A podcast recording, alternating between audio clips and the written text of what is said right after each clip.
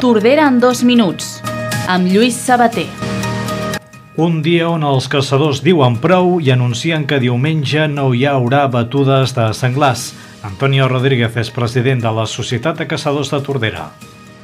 Nosaltres què diem? Nosaltres som els únics que tenim permís del propietari. Tenim el permís, són finques privades, tenen amo. I nosaltres tenim el permís per estar allà. Algú que va buscar bolets demana permís per anar a buscar bolets. I que els bolets són d'un propietari, no? A vegades hem tingut que plegar perquè la gent diu que el mont és de tots. Bueno, que nosaltres estem fent una batuda, posem plaques, senyalitzem perill, estem fent una batuda i nos agafen les plaques i nos carden d'arda.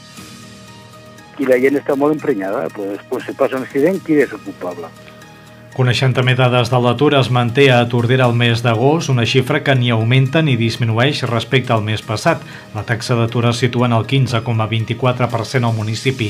Ho valora el regidor d'Ocupació, Rafa Delgado. La situació actual és relativament millor, però encara és molt dolenta per famílies i persones que no troben feina, que la necessiten i que fan esforços i, i no hi ha manera.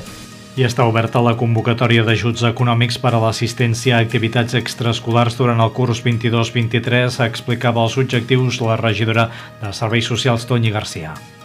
El que no volíem era que les famílies tinguessin que reduir uh, les activitats dels seus fills per poder final, arribar a final de mes. No? I les treballadores de la llar ja cotitzaran per l'atur a l'octubre. És un dels anuncis que feia aquesta setmana la ministra de Treball, Yolanda Díaz. Desde hoy mismo ya, las trabajadoras en el hogar tendrán derecho a la prestación contributiva de desempleo y tendrán también derecho a todas las prestaciones asistenciales que eh, están vigentes hoy en el ordenamiento jurídico laboral. Son para ellas. I el tordarenc David Jalmà queda subcampió de la Supercopa d'Espanya d'hoquei patins amb el Reus Deportiu. El Barça va guanyar la final per un clar 4 a 0.